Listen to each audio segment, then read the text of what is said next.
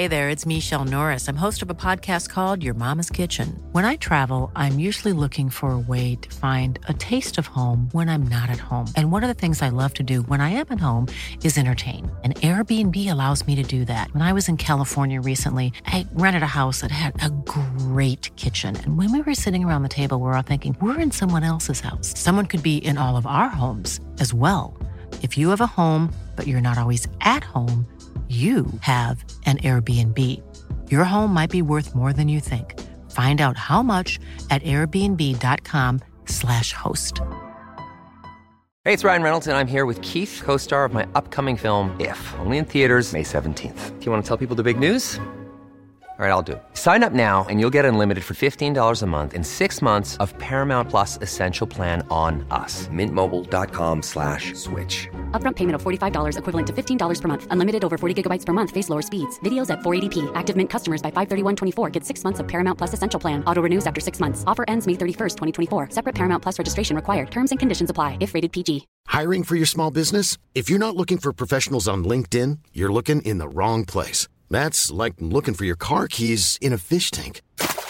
LinkedIn helps you hire professionals you can't find anywhere else, even those who aren't actively searching for a new job but might be open to the perfect role. In a given month, over 70% of LinkedIn users don't even visit other leading job sites. So start looking in the right place. With LinkedIn, you can hire professionals like a professional. Post your free job on linkedin.com slash people today. Nej men bara gå- till jobbet på tre minuter, det känns Det- ju ändå rätt skönt alltså. Ja, Det är det bästa med allt. Ja det måste vara Slippa hålla på med någon som ja, helst det måste eh, ju faktiskt vara rätt gött. Alltså. kollektivtrafik och bil eller skit. Särskilt som jag och Besseling som börjar bli lite äldre liksom. Nu kan man inte ha för långa jävla avstånd. Nej, nej, nej, det är klart. Nej. Jag är för fan yngsta.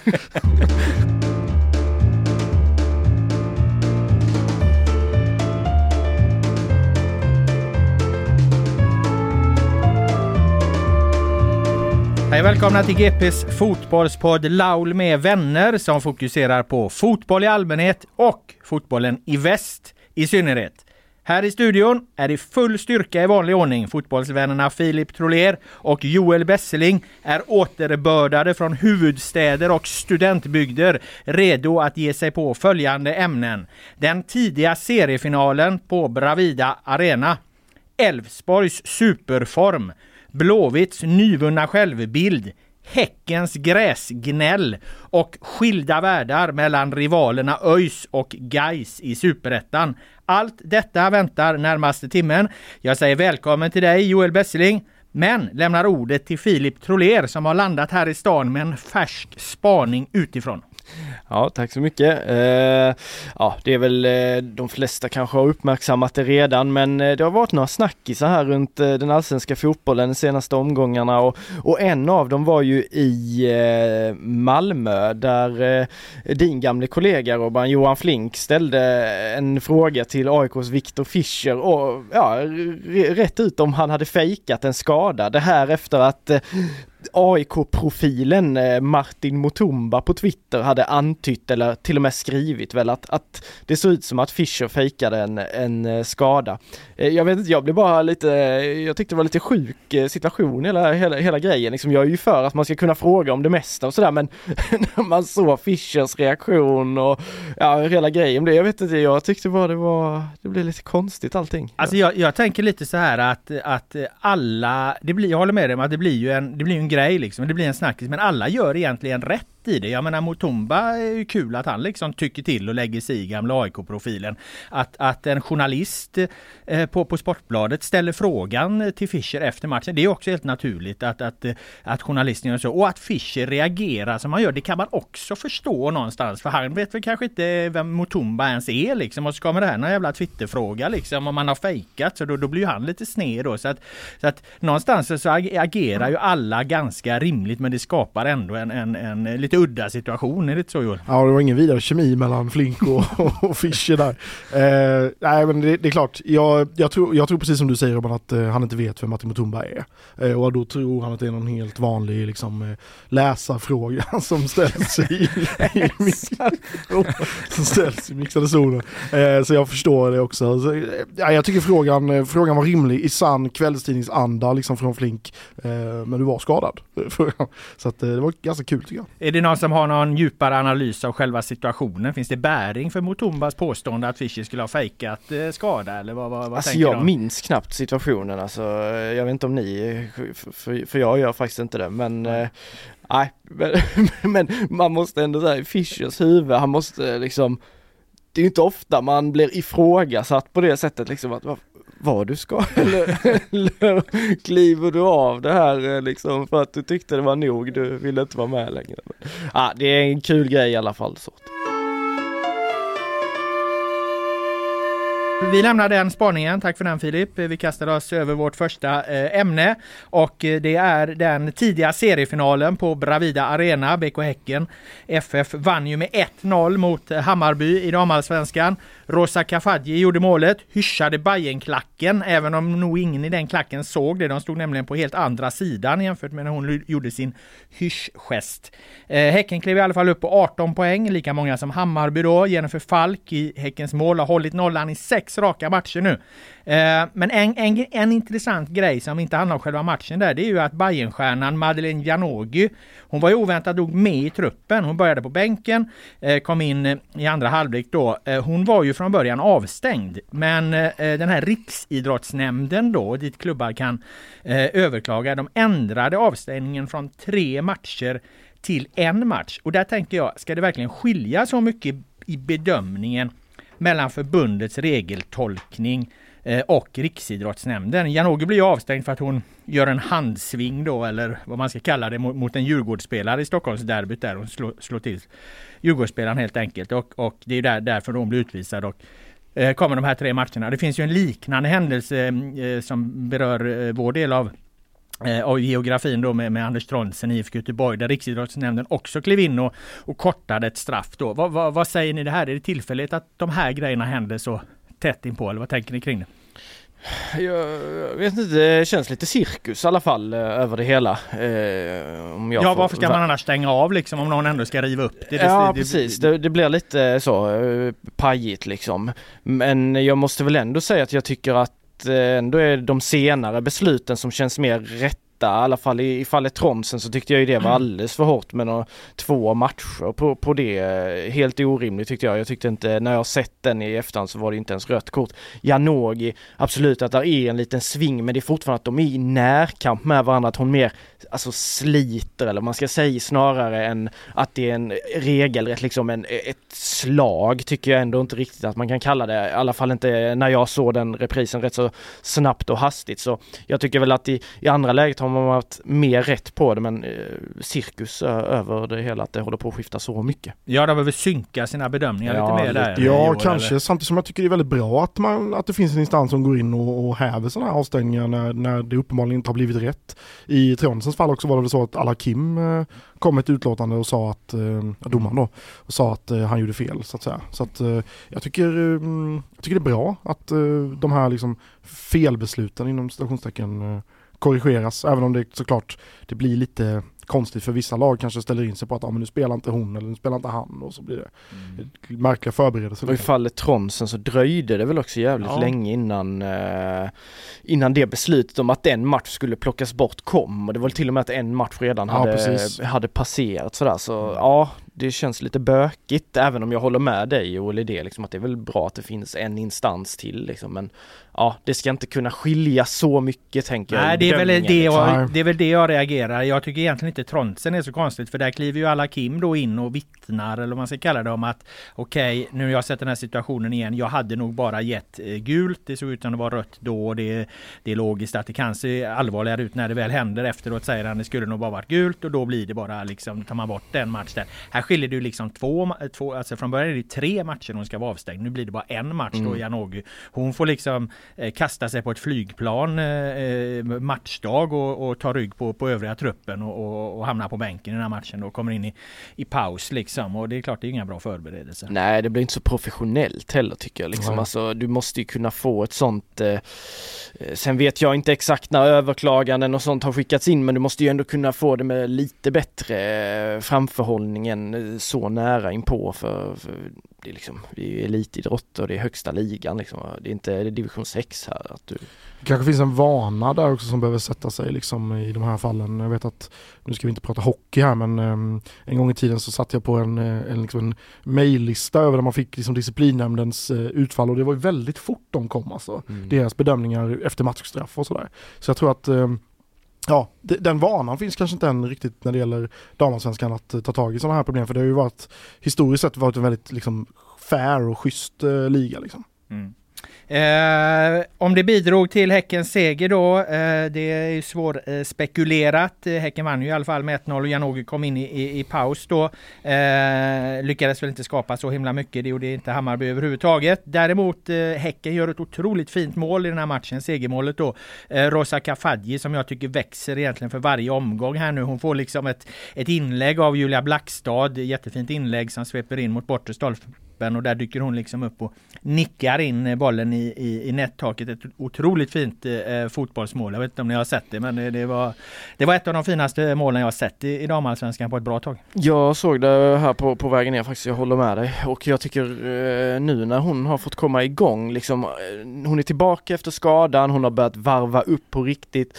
Då tycker jag att Häcken återigen har fått det som de saknade sen Johanna Rytting Kaneryd försvann eh, eh, förra sommaren eh, och det är X-faktor liksom. Kafaji kan eh, göra allting nu känns det som. Det är inte bara mål, snygga mål utan det är också att hon är otroligt bra i spelet och, och driver på det. Och, aj, det. Det behövs en artist i det där laget. Det behövs någon som bryter mönstret och hon är ju verkligen på den platsen där alla, alla Häckensupportrar hoppades att hon skulle, skulle vara när de värvade henne från, från Gnaget. Ja, ja en, en, en, hennes enda egentligen skulle jag säga det att hon försvinner rätt ofta i andra halvleken av matcherna. Jag tror fortfarande liksom hon, hon, hon, hon behöver ha den här liksom förmågan att orka i 90 minuter. Det är ju också någonting liksom man måste liksom träna upp och, och, och, och pressa till att kunna leverera, leverera eh, kraftfullt i, i, hela matcherna. För hon, hon dör rätt ofta i slutet eller i, en bit in i andra halvlek.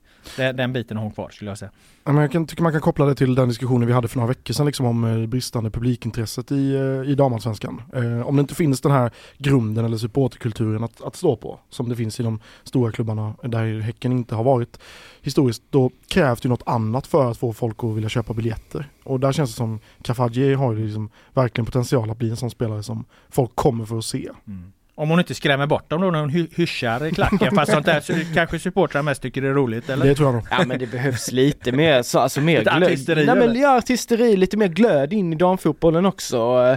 Det, det tror jag bara den mår, mår väldigt bra av och eh, ja, jag vet inte, otroligt eh, starkt får man väl ändå säga av Häcken efter den eh, dassiga premiären de hade att de eh, har eh, hittat, hittat en väg framåt och är uppe jämsides nu. De är väl fortfarande efter på målskillnad va, Hammarby? Eh, det, sa, det sa du kanske. Ja. Eh, men ändå, nu är de med i matchen och nu har de rullat igång. Det, det är starkt.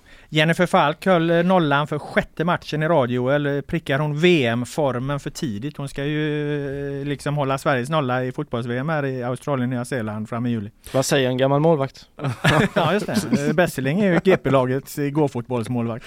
Nej det har de fan inga målvakter. Ja, vad du hittade han, det funderar fortfarande fortfarande på. Eh, ja men du, du, brukar ibland oroa dig för att eh, få, spelare prickar form lite för tidigt och sådär. Jag vet att, brukar jag det? Ja men jag vet ja, att okay. när jag sa att eh, Holmén och Hult och Larsson när de såg bra ut i början av försäsongen, då sa jag oh nej det är för tidigt. eh, det är långt kvar till säsongen börjar.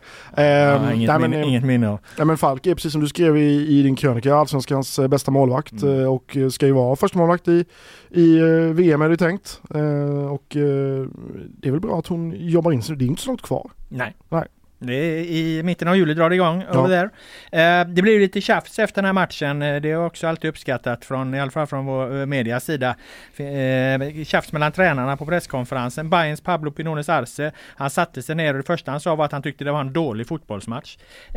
Robert Vilahamn då, Häckentränaren, han kontrade med att han tyckte att den var, var, var en bra fotbollsmatch. Och här är jag faktiskt team Vilahamn för att det här var en hård, tight, tuff seriefinal. Det var liksom mycket spel mellan straffområdena, inte så mycket chanser. Men det ska det ju inte vara i en seriefinal. Det ska ju liksom vara, vara, vara jävligt tajt och svårt och det ska krävas något extra. Det ska ju fan inte sluta 4-3, då är det ju bandy liksom. Utan det ska ju vara 0-0, 1-0, 1-1, 2-1 sådär. Alltså i just en seriefinal, eller?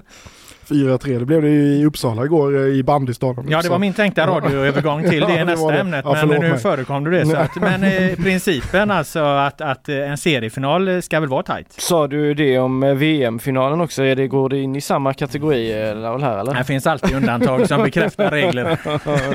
Precis. Jag hör vad du säger. Ja, nej, nej men eh, det finns väl en poäng i det där att man vill se att det ska vara en kraftmätning verkligen där, de, där det är svårt att bräcka ner varandra på något sätt men jag, jag skulle väl inte säga att jag går less om jag skulle gå och se en seriefinal eh, där, där det slutar 3-3 heller. Nej men då, då ska det vara för att du har Messi i ena laget och Mbappé i det Ja. andra och de levererar på topp. inte för att liksom det är två svajiga bandyförsvar som, som släpper till massa mål utan det är just det jag menar att det ska ja, ja. krävas något extra. Ja, det, det kan jag väl också köpa men eh, jag är ju glad för att se mål på Ja. fotboll. Det verkar inte du vara, jag vet inte. Jodå. Och mål, det fick vi då som sagt se i eh, Uppsala då, studentstaden Uppsala dit du, eh, där du var igår Joel Besseling. Eh, Elfsborg vann alltså med 4-3 eh, mot eh, Sirius efter en svängig match upp i på andra plats i tabellen Elfsborg. Skuggar suveräna Malmö 7 raka FF tillsammans med BK Häcken då. Eh, Joel, är det fotbollsfeber i Borås nu?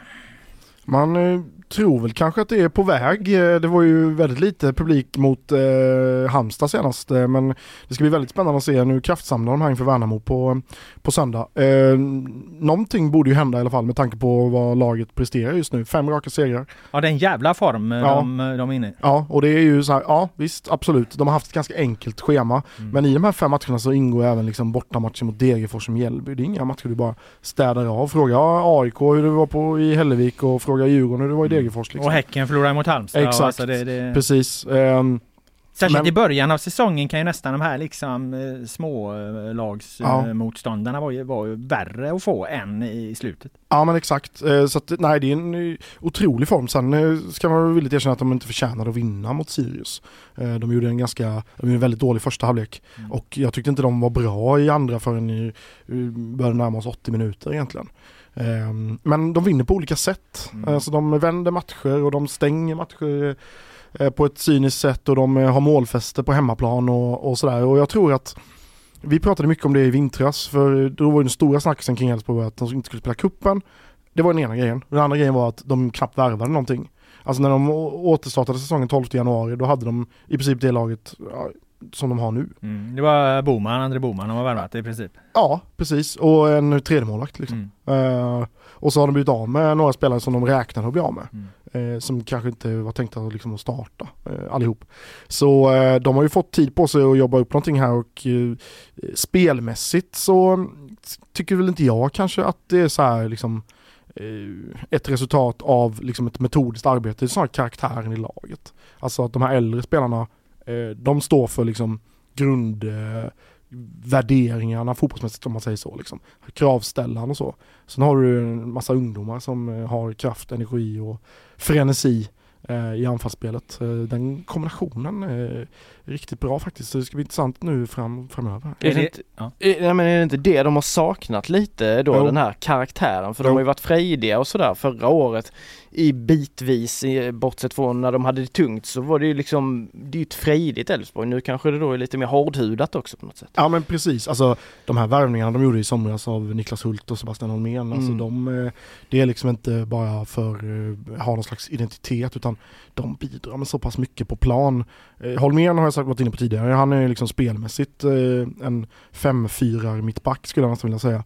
Niklas Hult har inte riktigt kommit upp på den nivån men man ser på liksom de här matcherna, jag har ju varit på plats på alla matcher den här säsongen och alltså det är liksom så fort någon inte riktigt är påkopplad, så fort någon har, liksom, gör en dålig första touch eller slår en dålig passning, de är där direkt liksom och hugger. Det, det är en kravställan som de här som inte fanns tidigare. Ja, det är lite Samuel och Simon Gustafsson effekten där som Ja. ju Häcken också verkar ha upplevt lite när Samuel kommer hem. De pratar mycket i Häcken om det, att vilka krav han ställer och sen kommer Simon hem som också ställer krav liksom och så får du in den kulturen då. Ja men precis, exakt. Och jag tror inte att det alltid är så jäkla roligt för de här unga spelarna att få ha de här äldre spelarna på sig. Men det är nyttigt och det ger resultat uppenbarligen. Jag Ehm, tänker på stackars Gottfried Rapper. Ja, han har inte fått spela än. Nej. Eh, Nej. nej, nej, men... och bara eh, skit får han. Nej, han, eh, han har väl inte riktigt kommit in i den svängen än. Däremot de lite yngre som spelar, liksom de här, Gottfrid är bara 17, liksom, men de här 20-åringarna, eh, de får höga krav på sig nu liksom att att leverera. Men Mm. det verkar ju som att de hanterar det ganska bra. Jag tror att balansen där finns. Jag tror att Hult är lite mer så här uppmuntrande och liksom du kan det här, kom igen nu liksom. Medan Johan Larsson och Sebastian Holmén är lite mer, nu skärper du till det liksom. Mm. Jag tänkte på en grej Joel sa där Filip, eh, eh, eh, apropå värvningarna där, värvar nästan ingenting i, i fönstret som var här nu precis. Har en bra ekonomi, vi såg ett jävligt starkt ekonomiskt re- resultat. Ett par sommarvärvningar här så kan Elfsborg bli fullständigt livsfarliga i år. Ja, absolut. Eh, jag tror vi alla här, eller jag tror jag satte dem fyra eller femma någonting till slut i min tabell och och det, vi har ju varit inne på det att här och nu så ser de ju ut som en eh, rimlig topp 3-kandidat och kanske vid sidan av Häcken då som den främsta utmanaren till, till MFF så här långt ska vi säga. Eh, men jag, jag håller med där, alltså spetsade där lite grann. Eh, k- kanske en central eh, striker, eh, kanske någon central mittfältare och de kan bli riktigt, riktigt giftiga. Sen är det klart att Ondrejka kommer ju försvinna och han har ju fasen vad han har växlat upp här nu eh, sista omgångarna och verkligen gjort det bra så då blir det ju ett avbräck och där ska man då vara, vara redo att ta in något. Jag vet inte hu- hur det ser ut i egna led riktigt men det känns ju inte vad jag, alltså som att där är någon riktigt så färdig som kan gå in och ta över den eh, flanken. Är det framförallt det de måste lägga transferkrutet på då, ersätta som försvinner? Joel, Ja. tror du, för du har varit inne redan från i vintras på att de egentligen behöver en bättre central mittfältare och kanske en bättre striker också. Ja, ehm, jag tror att de behöver, eh, de kan ju inte värva tre startspelare. eh, Det känns lite väl mycket i, Ja. ett, i ett fungerande lag. Och då får man välja två och då tycker jag det är solklart att det ska vara en central mittfältare och en ytter när eh, Jakob Ondrejka försvinner.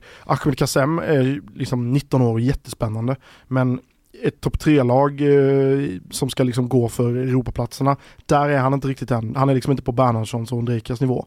Så där behöver de ta in någonting. Frågan är vem det blir. Jag är generellt ganska dålig på liksom att förutspå värvningar, speciellt när det gäller Elfsborg för de brukar hitta på ganska okända hyllor. Eh, central mittfältare, jag tycker att eh, nu har jag Emanuel Boateng varit avstängd här i tre matcher och sen var han tillbaka men inte med i truppen då. Eh, han är ju liksom tillbaka i träningen. Eh, och då har Noah Söderberg spelat och eh, han blev utbytt i paus, gjorde återigen en ganska blek insats. Eh, Medan André Römer bredvid honom är jättebra. Så att, eh, en central mittfältare och en ytter, ja men absolut. Vi, då är det, kan mycket väl bli en topp tre placering eh, Men Malmö, de- det har jag svårt att säga att de närmar sig där liksom. Nej det verkar ju inga göra just nu i alla fall. Eh. Boateng nämnde du där, Mm. han är tillbaka, han är fria där nu då eh, internt eller vad man ska kalla det. Han får vara med och träna igen och är aktuell för, för, för truppen nästa match då eller? Ja men precis, alltså han har ju bara tränat, eh, han tränade ett pass innan Sirius-matchen så han var inte Ja. aktuell för, för truppen nu då. Eh, så han är väl vara med mot Värnamo då på söndag. Mm. Har de hanterat det bra sammantaget här nu? Du har varit lite inne på att det är dålig information och kommunikation och så men, men det verkar ju inte ha stört någonting så att det kanske har Nej, varit, eh, verkligen inte. väl hanterat utifrån föreningsperspektivet och jag vet inte. Ja, jag tror att nyckeln i det här är ju att, att det är nog väldigt få som har vetat om vad det är som har eh, hänt egentligen liksom. Eh, alltså även inom föreningen. Eh, för det har ju inte läckt ut på något sätt liksom. Ehm, men ja, den, den här historien är märklig och det är frågan om det kom, någonsin kommer komma liksom, information eh, om vad detta var för någonting. Eh, väldigt besynnerlig situation. Eh, Boateng vill bara fokusera framåt. Eh, vi ställer frågor där på träningen om, om vad, han, vad, vad det är som har hänt och hur han har haft det de här veckorna. och sånt, Men det var inget, eh, det var, den dörren var stängd och så Stefan Andreasson smyglyssnade lite på, på intervjun också. Alltså så han stod och eh, vaktade han, där? Ja, han stod och vaktade lite. Redo att kliva in. Exakt, Ifall Besselin sköt för, för, för hårt skjutjärnsfrågorna där. exakt. Ehm, eh, Värnamo hemma är det nu då, det nämnde du där. Är det tre säkra poäng för Elfsborg då? Ja, alltså, det, det, jag vet Växer inte. tuppkam. Ja, men det, alltså, då måste de ju göra, alltså Värnamo är ju ganska bra men jag tänker de, de, de har gjort liksom dåliga första halvlekar här nu de senaste matcherna på ett sätt som nog eh, inte riktigt håller i längden. Eh, de, har liksom inte varit påkopplade. Eh, så jag tror att det behövs nog för att de ska vinna den här matchen som absolut inte är enkel. Liksom. Men sen kommer eldprovet. Mm. Mm. Norrköping, Malmö och Djurgården. Mm. Det är då, säsongen definieras på riktigt tror jag. Och då tar du semester? Då tar jag semester. Ja. Vi får Åker till Kreta eller vad var det? Mm, ja precis. Ja. ja, vissa har det bra. Kreta i all ära. Eh, IFK Göteborg, de tog tåget till Stockholm med Filip Troler hack i häl. 0-0 mot BP. Brommapojkarnas fjärde raka nolla då med 18-årige Filip Sidklev i målet. BP är fortfarande bästa Stockholmslag tillsammans med Djurgården, men det vi framförallt ska fokusera på här då, det är ju reaktionerna efter efter den här matchen Filip. Du skrev ju en krönika om det bland annat. Eh, för i IFK Göteborg verkar man ju sent om sidor ha börjat acceptera att man måste liksom förhålla sig till var man befinner sig på riktigt i fotbollens näringskedja och inte ständigt utgå från vad de önskar vara som när Håkan Mild pratar om topp tre placeringar och ordförande Rickard Berkling om att snabbt gå ikapp Malmö FF. Eh, är det så att Blåvitts självbild börjar rätta till sig eller hur ser du på det? Ja, alltså som jag avslutade lite mitt resonemang där och eh, så tycker jag väl ändå att det på många sätt är ett sundhetstecken att man Eh, ja men inser var, var, man befinner sig någonstans. Att man, eh, man är inte något topplag just nu. Man är i botten. BP har varit bättre än vad folk eh, kanske har räknat med. Det får vi verkligen säga i och med att de är eh, bäst i Stockholm tillsammans med Djurgården då. Fyra raka nollor och allt det här. Och de har sett mycket mer stabila efter en jobbig, jobbig start bland annat där de blev utskåpade av Elfsborg och, och sådär. Så, men samtidigt så, det var ju Sebastian Eriksson framförallt som pratade om det. Han, han är ju fortsatt väldigt bra på att liksom vara eftertänksam och funderar och, och tänker mycket. Eh, att, att det var lite liksom äh, man skäms lite över att stå och säga det. Man, man, man spelar i, i liksom IFK Göteborg, det är tillsammans med MFF, det är liksom den största, tyngsta, mest meriterade föreningen vi har i, i svensk fotboll och så står de på lilla sketna Grimsta och, och säger att ja men vi, det ändå känns ändå helt okej, okay, vi är tacksamma, vi tar med den här poängen hem. Men för situationen som de befinner sig i här och nu så tror jag ändå att det är det bästa tänkbara, att de ser på det på det sättet. Ja, men vi har hämtat hem en poäng, vi har tagit poäng nu tre matcher i rad, vi jobbar successivt uppåt. Det är ingen skam att få en poäng mot BP i det läget. Men i ett större perspektiv så är det ju naturligtvis som jag skrev, eh, en eh, sjuk fotbollsverklighet att IFK Göteborg eh, spelare står och känner så efter, efter ett kryss på Grimsta. Mm. Jag tänker lite så här att det, det, det allra bästa för IFK Göteborgs självbild, det skulle väl egentligen vara ifall den harmoniserade bättre med verkligheten. Jag tycker att de kan känna besvikelse över att de inte besegrar BP till och med på bortaplan för att det skiljer ändå så oerhört mycket ekonomi mellan de här eh, lagen. Vad, vad, kan BP omsätta? Någonstans 30 miljoner eh, på, på ett år. Blåvitt har ändå uppåt 150 ja, miljoner ja. gjort värvningar för 20-25 miljoner. Eh, det här eh, de två senaste transferfönstren eh, som, som de då har i sin, sin trupp. Så att där kan jag, kan jag köpa det. Men däremot kan jag inte köpa att de känner att de måste kanske vinna över Norrköping eller Elfsborg. För det är där jag anser att IFK Göteborg inte befinner sig. Det har jag liksom försökt eh, hamra fram i mina egna resonemang sen jag kom tillbaka till den här stan. Liksom. Att de, de är någonstans ett mitt, de är inget bottenlag men de är inget topplag heller, de är ett mittenlag Joel. Ja, nej men eh, alltså de har inte vunnit eh, SM-guld på 15-16 år och det var bra många år sedan de liksom var ett topp 4-lag också. Det är väl eh, åtta år sedan eller något sånt där. Mm. Och eh, man måste ju, alltså det går inte att leva på, på sin historia hur länge som helst liksom i, i liksom realiteten i en säsong, liksom en, en fotbollssäsong som pågår här och nu går det inte att gå runt och fundera på det. Så det är klart att eh, jag har hållit med dig hela tiden om det, liksom att, eh, att de måste eh, liksom ransaka sig själva lite mer och så. Det är väl jättebra nu att det liksom har kommit. Eh, det kanske har funnits internt eh, tidigare också bland ja, spelarna. Det, ja, bland men spelarna, inte bland Mild och Berkling och sådär nej. har det varit. Eh, det vet väl alla om att det har varit ganska, ja, jag ska inte säga hög svansföring men kanske en ja, det snedvriden... Kan det kan du säga den här podden. Ja, en, en, en, snedvriden självbild om man säger så kanske. Ja, precis. men jag menar Håkan var ju med på den tiden de vann guld mm. och spelade ut i Europa och, och allt sånt här liksom. Men, ja, men det är väl det som också är så svårt då ju. Alltså ja. tänk Sebastian Eriksson som han sa själv där när jag kom upp, alltså det året när han kom upp i, i Blåvitt, det var ju då året de vann SM-guld mm. och sen så var det ute i Champions League och sen var det toppstrid 2009 och sen var det några tuffa år där eh, 10, 11, 12 men så var de tillbaka igen. Alltså under en väldigt lång tid av hans karriär där han har känt sig att han är en del av Blåvitt även om han varit iväg i andra klubbar också. Så har IFK Göteborg ändå varit en toppklubb ganska lång tid av det Håkan Mild har upplevt i Göteborg så har de också varit en toppklubb. Så jag förstår ändå att det är, det är problematiskt. Och så har du då det yttre trycket där förväntningarna i och för sig nu kanske de senaste säsongerna har dalat lite, fansen har blivit ja men mer införstådda med att eh, ja men vi är inte allra högst upp längre. Men jag förstår ändå att eh, den där liksom ekvationen på något sätt har varit svår att, att sätta liksom även om man då kan titta på de ekonomiska siffrorna som under en längre tid nu eh, har varit att Blåvitt har blivit ifrånsprungna där också. Sen ska jag ju säga att de var ju de var ju naturligtvis också besvikna över att de inte vinner men det är ändå mer den här, ja men det var ändå, det är ändå okej okay, liksom mm. att vi får poäng och, och, en pinne här och tar poäng igen för tredje matchen i rad. Ja, det var det jag skulle säga. Alltså, eh, bortsett från det då, om man tittar på den närmsta eh, tiden här då så har de ju då tre eh, matcher Eh, utan eh, eh, förlust där och jag tänkte höra en, en konkret grej från BP-matchen där, för jag var uppe på träningen dagen innan. Då jobbade de hårt med Anders Tronsen. Han var inte med i startelvslaget men de gjorde lite byten under sitt matchförberedande spel efter ett tag då. Och, och där de pratar, tränarna pratar väldigt mycket med Tronsen. Det, det, det, alltså jag fick känslan av att de vill ha in Anders Trondsen på det här centrala mittfältet eh, eh, förr eller senare när han är, är redo för det. Liksom. För de ser att det finns någon form av liksom möjlig högre potential att ha honom där istället för att spela med Kalén och Eriksson. Även om de gör jobbet någonstans så, så tror jag att de ser att de kan ta en nivå till om de får igång Trondsen i den rollen. Vad, vad, Känner du någonting du ser i matchen som är i den riktningen eller? Ja det tycker jag. Det är väldigt tydligt att de gör bytet. Äh, Sebastian Eriksson sa ju själv eh, efter matchen att det handlar inte om att han var trött eller sliten eller så utan det var nog taktiskt sa han och, och, och log liksom och, mm. och Tengri bekräftade ju detta också på, på, på presskonferensen att de ville ha in Tronsen.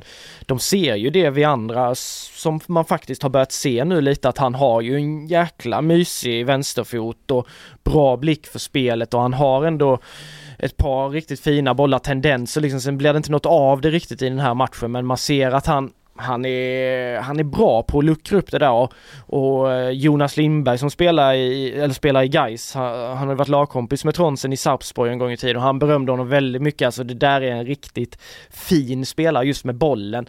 Han eh, fokar inte så mycket på det hårda arbetet då med, med, med Tronsen eller så, utan han är en fin spelare med bollen.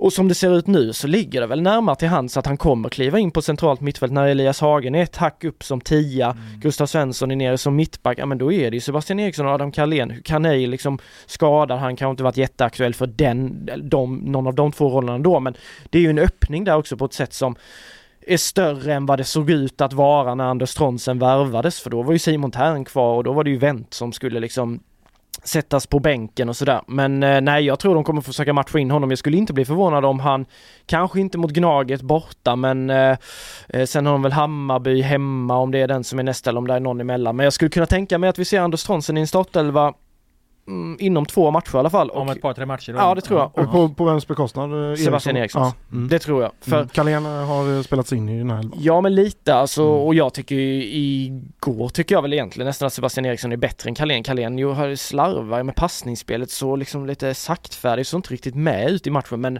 men jag tror att de tycker nog att Tronsen och Carlén kompletterar varandra bättre än vad Sebastian Eriksson och Tronsen gör. En högerfot och en vänsterfot också. Ja och storleken på Carlén och sådär som de mm. har fått in vilket har skänkt en trygghet i, i, i defensiva fasta, i det jobbet med att skydda backlinjen som också nu då har hållit nollan två matcher i rad. Mm. Sådär. En sak man ska tänka på där när du nämner Carlén att det var lite slarvigt och så som jag kommer komma in på sen med Häcken och så här. Så, eh, här ska man komma ihåg att de matcherna vi framförallt pratar om nu det är ju tredje matchen på, mm. på åtta mm. dagar liksom. Jag tycker man har sett det både lite här och var mm. att de lag som har spelat med relativt samma spelare ja. väldigt mycket eh, det, det, det, märks i, i kvaliteten eh, för de lagen. Liksom. 100% och jag tycker det var Carlén märktes det på, det märktes jättemycket på Sebastian Olsson tycker jag som själv har stått efter matcherna på Gamla Ullevi och sagt att shit, jag har inte matchat så här tätt på, på väldigt länge i och med alla hans skadebekymmer och sådär. Gustav Norlin saknades kräm i honom när det saknas det hos honom. Ja, då är han en ganska begränsad fotbollsspelare. Hans USP är ju liksom den här intensiteten och drivet och, och sådär. Så nej, jag tyckte det märktes faktiskt väldigt tydligt. Jag skrev också det i min, min text att jag hade nog kanske ändå gjort några korrigeringar, även om jag förstår att Blåvitt äntligen, vi har fått lite poängskörd, då är man jäkligt rädd och försiktig med att göra byten. Mm. Eh, Hussein Kanei nämnde du, kom ju här också att han blir borta då till augusti i värsta mm. fall efter att han eh, skulle varit tillbaka. Det har varit lite rörig kommunikation där Verkligen. kring, kring eh, Kanei kan man ju lugnt eh, säga. Men nu har de i alla fall kommunicerat då att han blir borta, vad fan var det, 8 till 12 eh, veckor liksom. Ja det var mer 12 till 16 veckor. Ja, det var så jävla länge. Ja, ja, det tror jag. Eh, ja det har varit, alltså man har varit på och luskat där, man, jag hörde ju att han hade varit på någon röntgen och, och, och sådär och sen har man kollat av och inte fått några riktiga svar och det har varit eh, diffust och han har varit ute och joggat någonting och sen nu så kom då, kom då beskedet och, och jag vet i alla fall inte riktigt vad det rör sig om. Det förtällde ju inte den eh, kommunikén där. Men det kanske man kan, eh, kan luska ut eller det kanske de till och med vill berätta om man ställer frågan. Jag vet inte. Men klart är ju att det är ju ett avbräck ändå för nu blir ju eh, Kanel hade en jobbig start här på serien och fick sitta bänk men det är ju ändå kanske deras allra mest kreativa spelare och det här laget behöver kreativitet.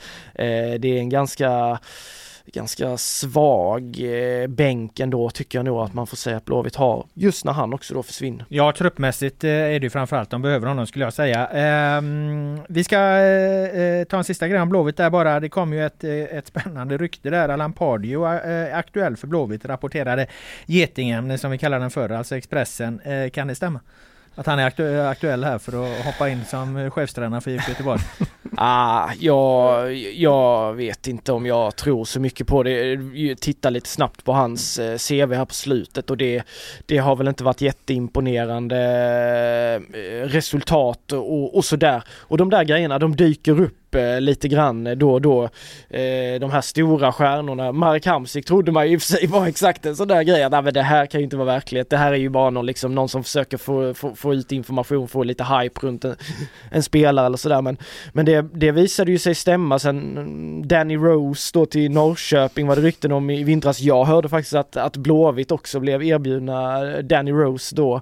Eh, så det, det är väl lite mer sådär men jag, jag har jäkligt svårt att se, även om han då tydligen hade en svensk, eller har mm. en svensk fru, det visste inte jag faktiskt. Jo, han gillar pyttipanna har jag hört eh. Shit, det här helt gått under ja. min eh, radar, men eh, nej, jag har väl svårt att tro att det händer. Jag tror väl att Blåvitt också kommer vilja ha något lite yngre namn eller så. Men vad fan, jag tycker de ska ligga kvar med det här nu alltså, tänker Ja, ja, ja, jag tror inte han dyker nej. upp imorgon på Kamratgården Padio. Jag tänkte men, mer som liksom nästa lösning, men det tror nej, jag inte heller. Nej, ja, jag menar nu har de ändå gjort det här i rätt väg. De har tagit in eh, Ola Larsson då som den här tekniske direktören då i, i en, eh, som man också kan kalla det, en sportchefsroll då. Och, och Eh, eh alltså eh, William Lundin, jag tycker han, han har ju någon jävla liksom mästartränar-aura över sig liksom. Han ser ut som en Ser ut som man skulle kunna vinna Serie A med liksom med, med, med, med, med något. Han ser ju ut som en jävligt liksom välskräddad, skarp i konturerna,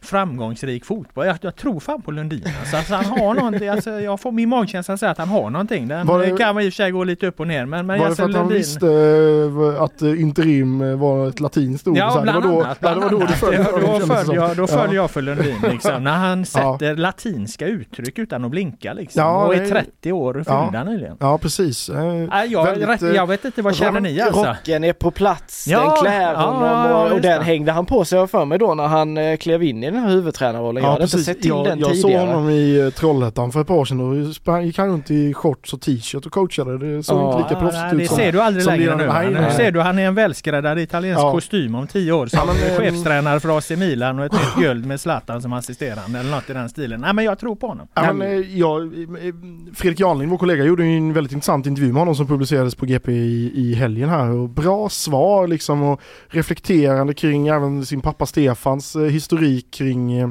IFK Göteborg och, och, han började ju träna tidigt liksom när han insåg att han inte skulle bli spelare eh, på en hög nivå med, med skador och sådär. Så, och det har ju blivit ganska tydligt här nu eh, att det är Lundins lag det här känns det som, mer än Tengryd, eller?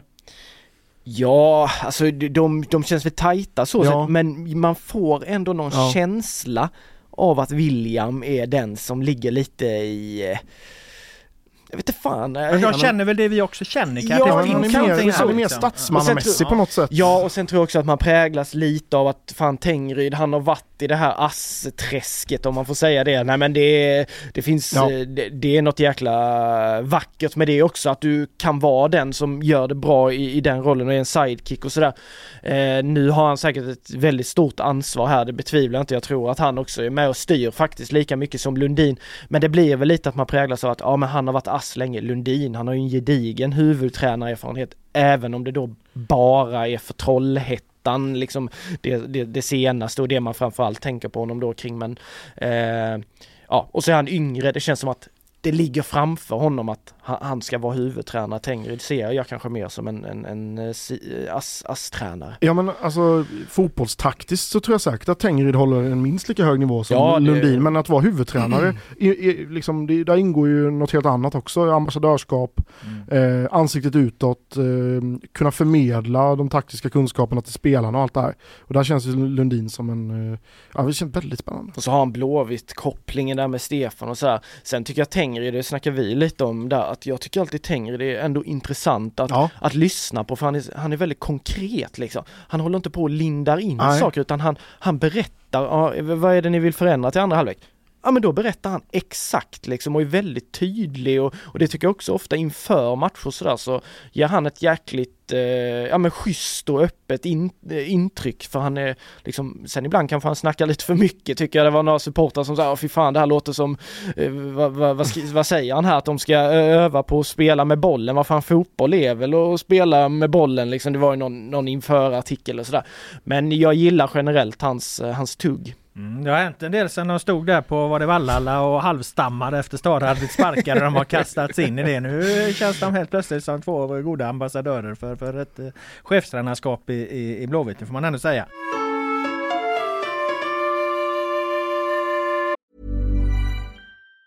Planning for your next trip? Elevate your travel style with Quince. Quince has all the jet setting essentials you'll want for your next getaway, like European linen, premium luggage options, buttery soft Italian leather bags, and so much more. And it's all priced at 50 to 80% less than similar brands. Plus, Quince only works with factories that use safe and ethical manufacturing practices. Pack your bags with high-quality essentials you'll be wearing for vacations to come with Quince. Go to quince.com slash trip for free shipping and 365-day returns. Hey, it's Ryan Reynolds, and I'm here with Keith, co star of my upcoming film, If, only in theaters, May 17th. Do you want to tell people the big news?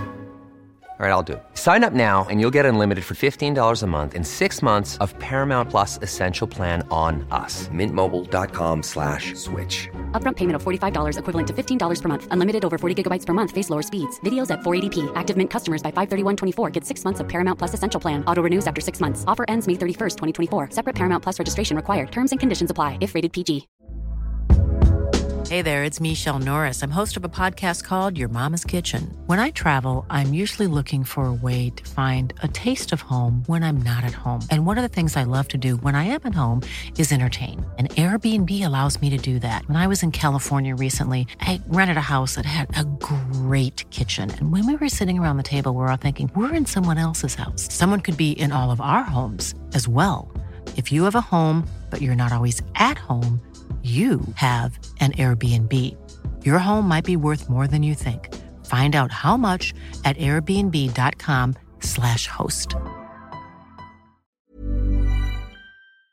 Jag var ju i Halmstad den här omgången, såg BK Häcken förlora borta för första gången sedan november 2021. Mållösa för första gången sedan tredje omgången i fjol.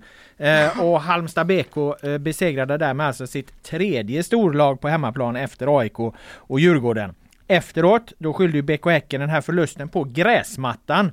De kan inte ha vattnat den på ett år. Bollen studsade som en basketboll. Den var hård som stengolvet vi står på här, sa Mikael Rygaard och Even Hovland. Eh, Filip Troler, vad tycker vi om gräsgnäll i den här podden? Pinsamt.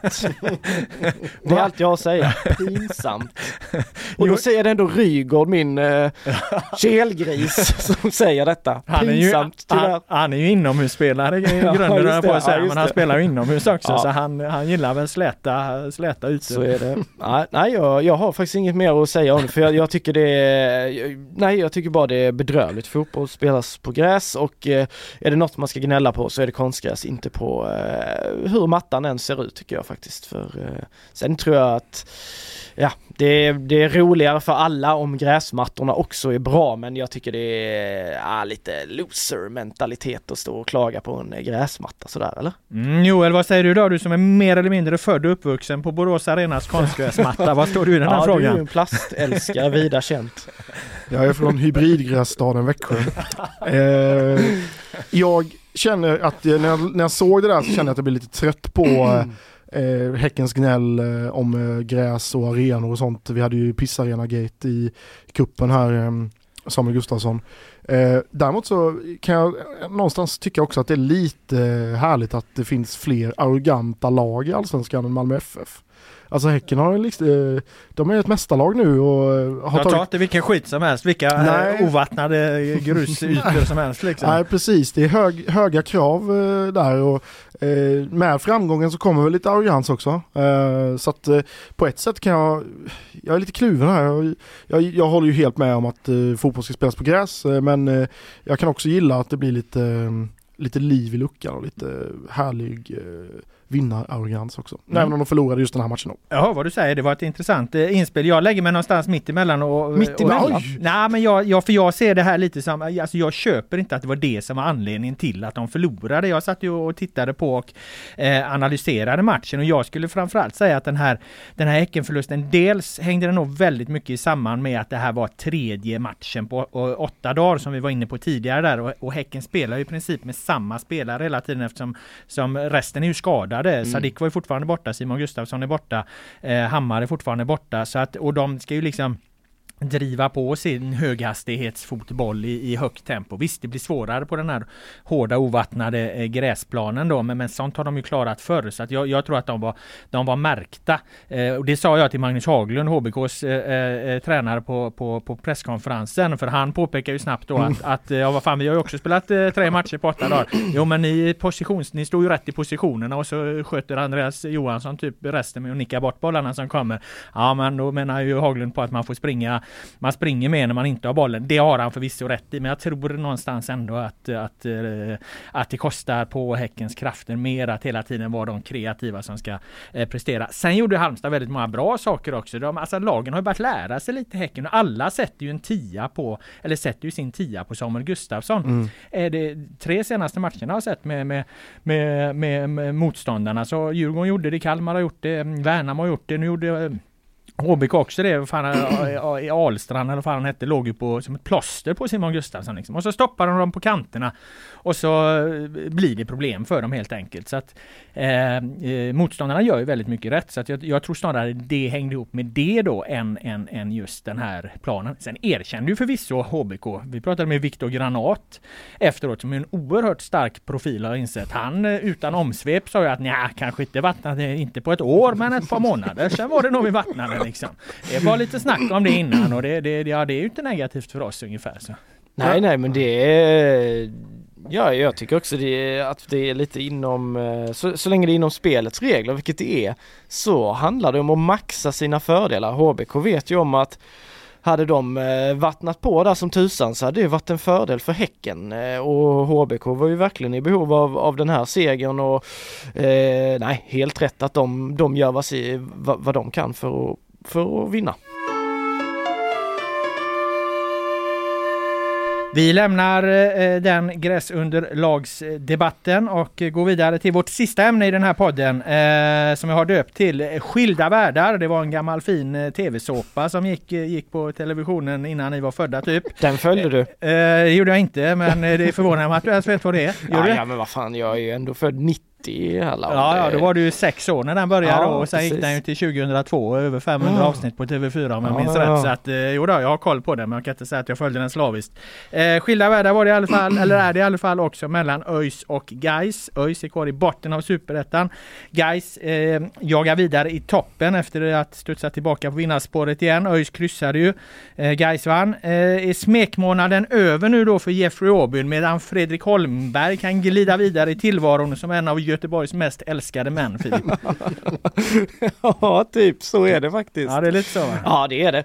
Nej, men det är klart att eh, nu börjar det bli lite tryck på, på, på Jeffrey här. Det har det väl redan varit, men nu är det sex matcher eh, som är spelade och eh, 2-2 hemma mot Öster i sig är väl inte något dåligt resultat, men har du inte vunnit en enda match innan dess så blir det inte så mycket av ett kryss. De har fyra poäng och är, är fast där nere i botten. Sen eh, ska vi inte, eh, det går fortfarande att ta sig uppåt ganska snabbt om du vinner några matcher, men vinsten måste ju komma nu. Eh, med tanke på vad de var med om förra året så är det ju det är ju jättemycket ångest i de rödblåa kretsarna nu och... Vi talade ju om eh, svansföring och så vidare med IFK Göteborg där tidigare. Jag kommer ihåg att Jeffrey Robin satt i våran, eh, våran podd här inför när vi hade det, alla tränare på plats och pratade om att eh, ÖIS skulle antingen vara etta eller tvåa. Eh, då. Alltså det, det, det framstår ju mer och mer som en större felbedömning än vad till och med Håkan Mild har gjort av sitt ma material.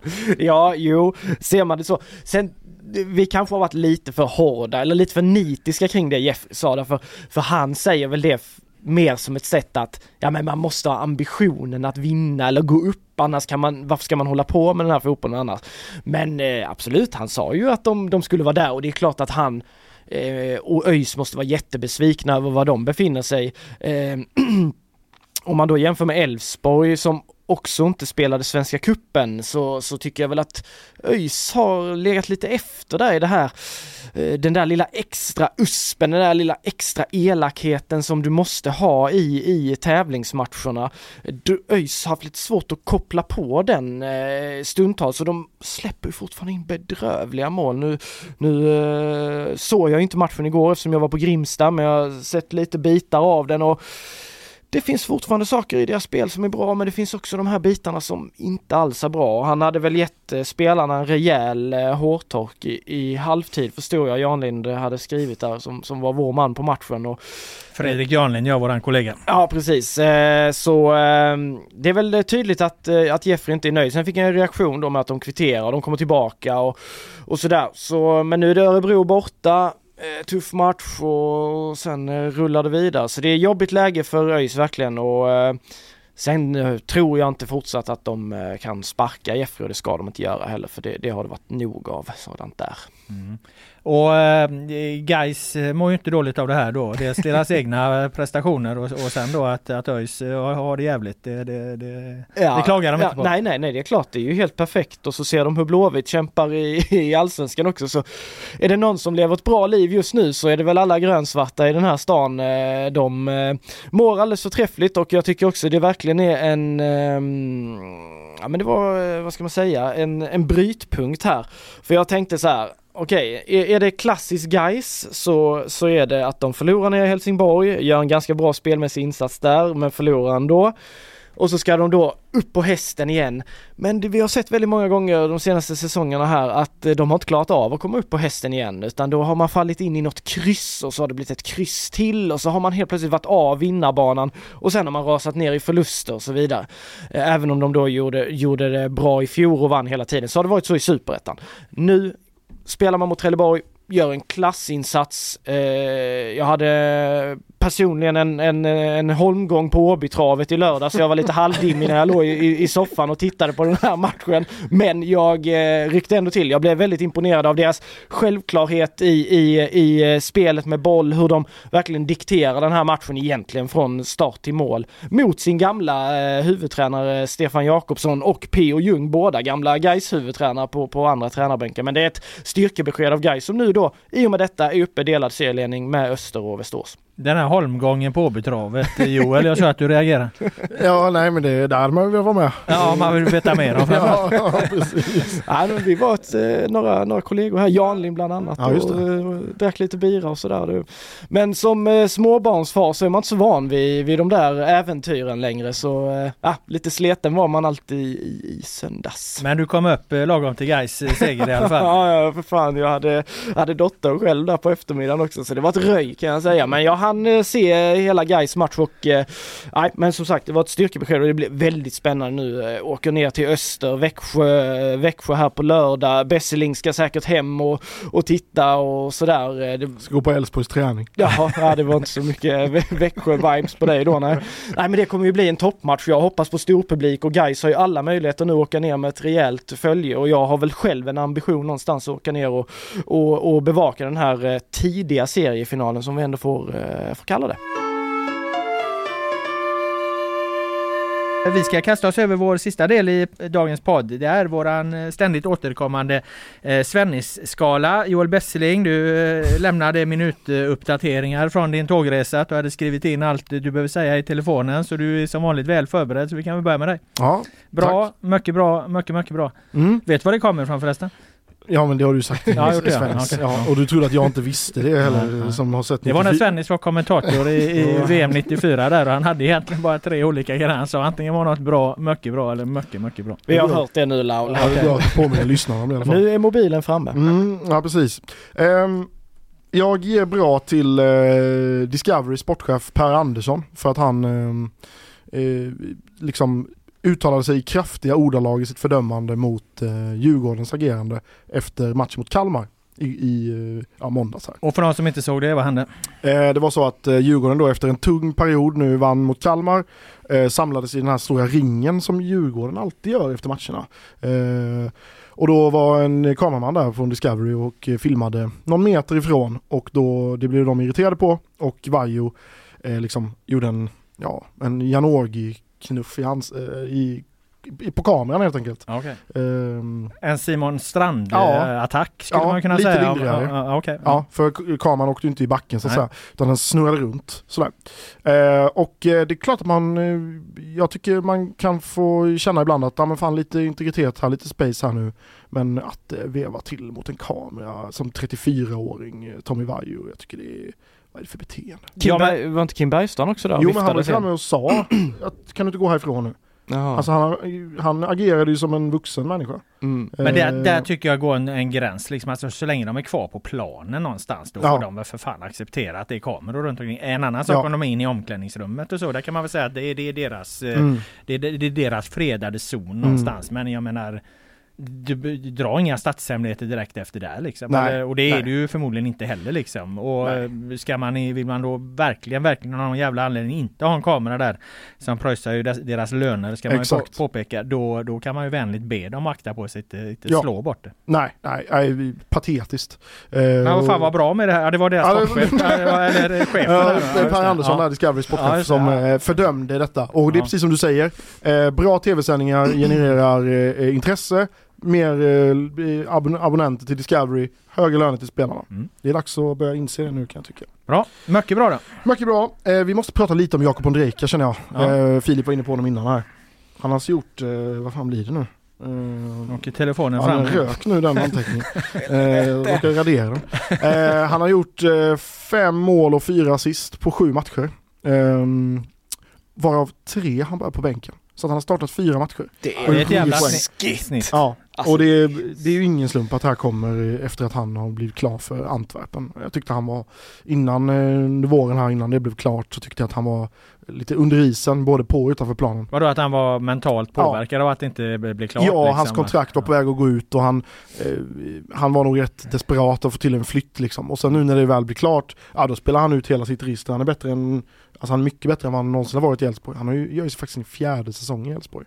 Ehm, så att nej, han, hans högerfot ett, eh, har varit ett, liksom ett livsfarligt hot eh, på fasta situationer nu senaste matcherna. Eh, han kommer runt på sin kant, han slår bra inlägg och allt sånt. Så att, ehm, Johan Larsson sa efteråt att de behöver honom just nu. Och det har han helt rätt i. Till slut blev han lite den här Jesper Karlsson Ja. på något sätt som... ja precis, ett bra alla tillslag hoppades, liksom. och eh, Ja. irrationell och, Mm. och allt det här. Sen eh, då tyvärr tycker jag eh, så går han ju lite för tidigt kanske. Mm. Och går till belgiska ligan som vi vet är tuff. Och det här är ju ingen slump om man tittar på Elfsborg i ett större perspektiv att de då får fram så bra ersättare till de spelarna som sticker hela tiden. Det blir ytterligare ett exempel på det apropå det du sa om Jesper Karlsson. När kommer Mm. nästa gubbe in Mm. liksom. Och, Ja precis, de värvade honom från Landskrona inför, Ja. som 17-åring inför 2020 då. Ja. Eh, och han har liksom och så det de honom under tiden Ja, liksom. Det är så de jobbar liksom. Och Ja. det, de är ju fan bäst på i Sverige. på Ja, det. de är jättebra på det. Sen blev inte den här grejen med Ondrejka riktigt som de hade tänkt. Alltså okej. att ett kontrakt går ut samma under innevarande säsong, det är inget som Stefan Andreasson gillar. Nej. Och att de inom citationstecken bara får 19 miljoner eh, enligt medieuppgifter. Eh, för en sån spelare, jag menar nu, vad är han värd nu? När han har gjort 9 poäng Ja, på han ju fyra starter. Alltså, 30. ja, precis. Så att, eh, men han är 20 år. Ja. Eh, så, Kanske eh, lite mer då till och så med. jag, jag förstår vad du menar Robban med att de är bra på sånt här men den här eh, Ondrejka-grejen, den... Eh, Men 19 miljoner för en med utgående kontrakt. Ja, det det är är å ändå en bra. helvetes massa pengar. Det- De brukar ju knappt få betalt för spelare som har kontrakt som går ut. nej, liksom. problemet var att det där kontraktet aldrig förlängdes. Nej, Nej. jag fattar. Ja det är, ja 19 mille får man ju ändå säga. Men, men det känns som du säger lite, han, tänk om han hade stannat hela den här säsongen. Ja, Då hade han haft då hade han gjort den där hela allsvenska säsongen mm. sannolikt om han då hade fortsatt men det, det finns ju ingen an, anledning att inte tro att han skulle göra det om han hade varit kvar, att han skulle fortsätta prestera. Nu eh, har han ju inte riktigt, alltså det är inte så att han har gjort en hel allsvensk säsong nej. där han har varit eh, lysande liksom. Nej, knappt en halv Nej, knappt innan, det liksom. liksom. Så, eh, men det är väl, det är väl en fotbollsverklighet vi bara får vänja oss vid lite känns mm. Ja. Och mycket, mycket bra då. Ja, nu eh, får jag krypa till korset här med eh, Elfsborgs pressfika. Eh, jag, vill inte, jag vill inte tjata om, jag vill inte bli nya Robert Laul och prata pressfika dagen ända. Men jag måste ändå, här måste jag ändå säga någonting för deras pressfika mot Halmstad, det var fan mycket, mycket bra alltså. Vi hade en diskussion här i podden om att jag hade, mm, ja, Laul hade hypat pressfikat och jag sa att det var inte så bra längre. Och det tog tydligen rätt hårt på Elfsborg, fick jag höra. Att de blev rätt sura över detta. Så, Ditt ord väger oerhört starkt ja, i, i, i Borås, ja, måste man ändå säga. Men det är ju så när man är därifrån liksom så, så det, tar med då. Uh, nej men så när jag kom dit inför Halmstad-matchen och då är det ändå Halmstad hemma liksom. Det är väl en fyra, fem akkrediterade murvlar liksom. Uh, då är det våfflor. Det är våfflor? Ja det var våfflor då. eh, liksom, ja, nygräddade våfflor och så var det ju, det var inte bara det, det var morotskakan var tillbaka, det var vindruvor, det var godis, det var andra kakor och det var kaffe och det var cola och det var allt möjligt. Fan det vattnas i munnen bara tänker på att jag ska vicka för dig när du är på Kreta där, de här två stormatcherna. Laul skrev till mig, är det våfflor nästa gång också? så, då, jävlar, ja, så då kan han åka var som helst. Jag eh, har ju en, eh, ja detta är min fjärde allsvenska säsong, eh, de två första var ju lite halvpandemiska. Så att de räknas kanske inte riktigt, men detta var det överlägset bästa pressfikat jag har sett i eh, svensk fotboll. Och då är Elfsborg tillbaka på tronen igen kan man säga, för ja. de hade under många år det bästa eh, pressfikat. Jag var mm. i Halmstad nu, de hade jävligt bra, bra pressfik och inga, inga, inga De är ju kända för sina våfflor annars. Ja, i Halmstad? Ja, på, absolut. I pressfikat? Ja, en, eh, en kvinna där som heter Siv eller något Ja, ja, hon var där. Ja, hon brukade göra våfflor har jag hört. Ja, hon mm. hade ju varmkorv med bröd och, och så här mintstänger och, och ja, vad fan det nu var. Det var, det var bra som fan var det. Men ja. inga våfflor. Nej. Ehm, vi tackar dig för sändningsskalan i alla fall Joel. Eh, jag drar min snabbt här så får du ladda lite till eh, Ja, ja, eh, Filip. Bra eh, ger jag eh, BK Häckens klubbdirektör Marcus Jodin, eh, eller klubbchef eller vad de nu kallar sig. Han är ju ett av, ett av BK Häckens då högsta höns, regerande mästarna, maktfaktor i Sverige och allt det här, eller i svensk fotboll. Men eh, han, han är ju en mångsysslare av rang måste jag säga. Vet ni vad han gjorde på, på seriefinalen här, Häcken-Hammarby? Då var han för fan speaker. Så att när, liksom, när det var line-up och grejer, då var det Jodin som skötte detta för de hade fått något tekniskt problem med någon annan som skulle sköta för många grejer samtidigt. Så Jordin klev in som speaker, hälsade publik, spelare, domare och allt det här välkomna till matchen och påade inmarschen och, och eh, pumpade upp stämningen inför, inför inför seriefinalen då. Och sen eh, för någon annan match sen, då, match sen här då, då var ju någon presschef sjuk. Då skötte ju han liksom presschefssysslorna där och hämtade spelare och skick, lämnade nummer till spelare som hade gått och, och, och gjorde press, eh, presschefens jobb då. Detta gör alltså då klubbdirektören. Får man, får man tänka på. Kan ni tänka er liksom Niklas Kalnén eller, eller Håkan Mild liksom sköta spikerjobbet i, i Blåvitt där och i respektive Malmö. Det, det skulle inte hända. Men med Jordin hade liksom inga problem att ta på sig blåstället och göra, göra det liksom mindre glamorösa jobbet också. Så att, eh, en liten hyllning till Eh, till, till, till Jordin där helt enkelt. Ja, det är ju mäktigt ju. Ja, jag vet inte om jag har drömt. Han, han har inte någon historik som speaker tidigare eller?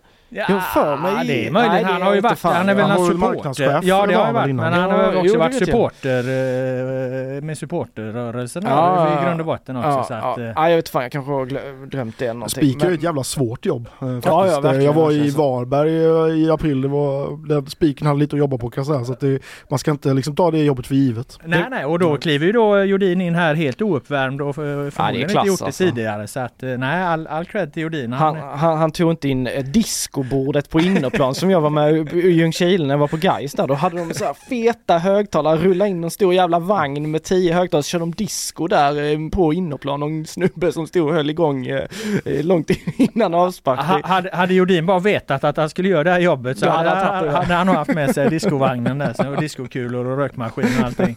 Eh, mycket bra, jag har redan nämnt honom. Viktor Granat, den starke profilen i Halmstad BK. Deras anfallare då erkände ju som sagt att eh, att de inte hade vattnat på ett par månader utan eh, omsvep och, och pratade väldigt underhållande om att han hade blivit knockad knockad två gånger av e- e- Even Hovland och vi frågade var det armbåge eller skallan eller vuddan? Nej, jag sprang, in i hans biceps ungefär sa ju Granat då och menar på att Hovland är en stenhård jävel liksom.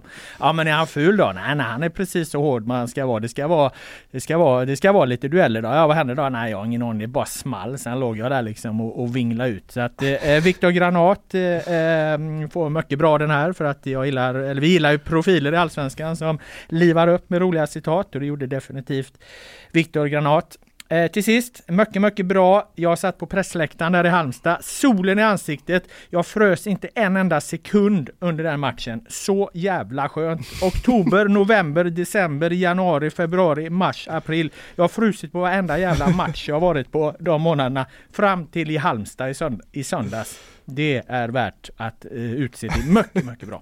Filip Trollén. Ja, först vill jag bara säga att jag är ledsen över att jag inte fick sitta där i Halmstad på Grimsta andra halvlek igår. Fy fan. Var det kallt? Ja, fy fan. Jag tog ju sommarjackan, dansade ner längs Sankt Eriksgatan där och tog tu tuben ut till, till eh, Vällingby där och, och, och tänkte att ja, men det här blir en härlig sommarkväll. Men det var ju svinkallt. Det var ju total missbedömning av mig. Jag satt och frös som på Pinatar Arena nästan så, i vintras där Ja, blåste som fasen. Så orutinerad kan man inte vara Joel om man ska vinna slaget om Borås. Nej, nej då, där finns alltid extra packning när man åker till Borås Arena. Väl förberedd.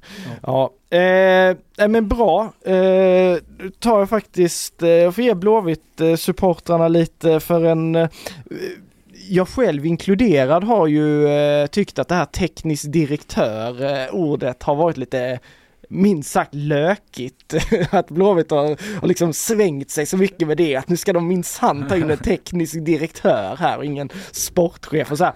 Och jag tycker efter eh, efter Degerfors-matchen tror jag det var, så verkar, för- det har väl varit en liten snackis även i supporterkretsar, inte bara i media och så här, att man har liksom reagerat på det här teknisk direktör, utan de tog, tog den här eh, Give It Up-ramsan som Gaisarna för övrigt använder väldigt flitigt, Gais is going up.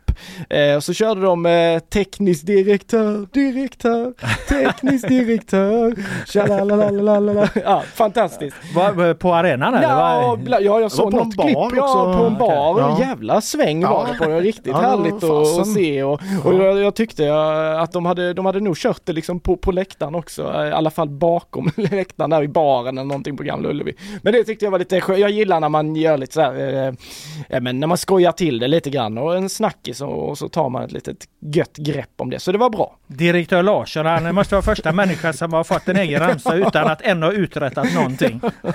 Bara hans närvaro verkar ju ha poänggaranti. Ja, ja, han är obesegrad i Blåvitt. Ja, så. det är Larsson-effekten. Ja. Eh, mycket bra då. Eh, det är Blåvitt här igen Ja. och det är Pontus Dahlberg. Han eh, tog mig på en nostalgitripp igår. Det värmde när jag var på Grimsta. Jag såg att han hade keps på när han kliver ut till, eh, till avspark. Eh, jag blir helt chockad. Jag har inte sett en allsvensk målvakt kepsklädd på eh, år och dag känns det som. Jag vet inte om jag har missat något. Andreas Isaksson hade det när han kom tillbaka till Ja men för Djurgården. helvete, det är ju ändå, vi snackar Ja, väl... det är eh, fem år eller Ja, det är ju Ja. så. och Jag, blir så fantastiskt glad av att se det. För jag blev, jag tänkte tillbaka på mina barndomsdagar när jag gick på, på fotboll. Det var Håkan Svensson på Örjansvall, det var ofta keps. Det var Daniel Andersson på Olympia och Trelleborg där, det var ofta keps. Sven Andersson, det var keps. Bengt Andersson när man var här, det var keps. Det var keps hela tiden. Så fort solen bara tittar fram var det keps.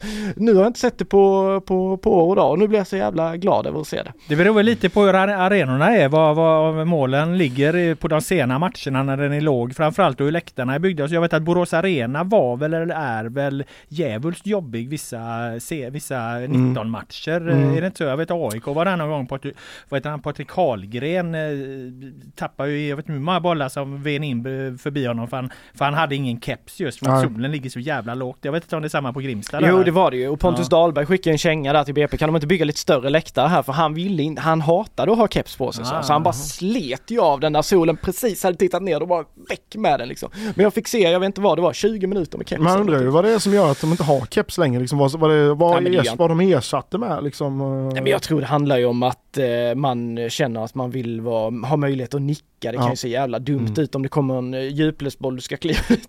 ja, ja, det hade man ju velat se. Lyfter på hatten och nickar liksom. Men eh, Joel det måste... Gjorde för lyssnarna en graciös gest här när han tog av sig sin imaginära keps och nickade undan en boll. Det såg Ja, mycket roligt ut. Ja, nej, men eh, det måste väl vara därför tänker jag. Eller att det bara handlar något om så här, ja men det är inte Ja. stilrent. Men Jag tror det är varumärke. Ja, Alltså ja, att de klipper sig fjant- inför varje ja, match liksom och allt det här det, liksom. det ser fjantigt ut men Bengt Bildbyråns Andersson, fan han brydde sig inte om någon jävla... De klipper sig inför varje match. Att, Ja, det är ju eh, väldigt vanligt. Besselings attack mot Ja. fåfängan bland allsvenskans spelare. Den här kom oväntat. Ja, jag har en eh, frisör i Borås som han klipper flera Elfsborgsspelare på matchdag säger han.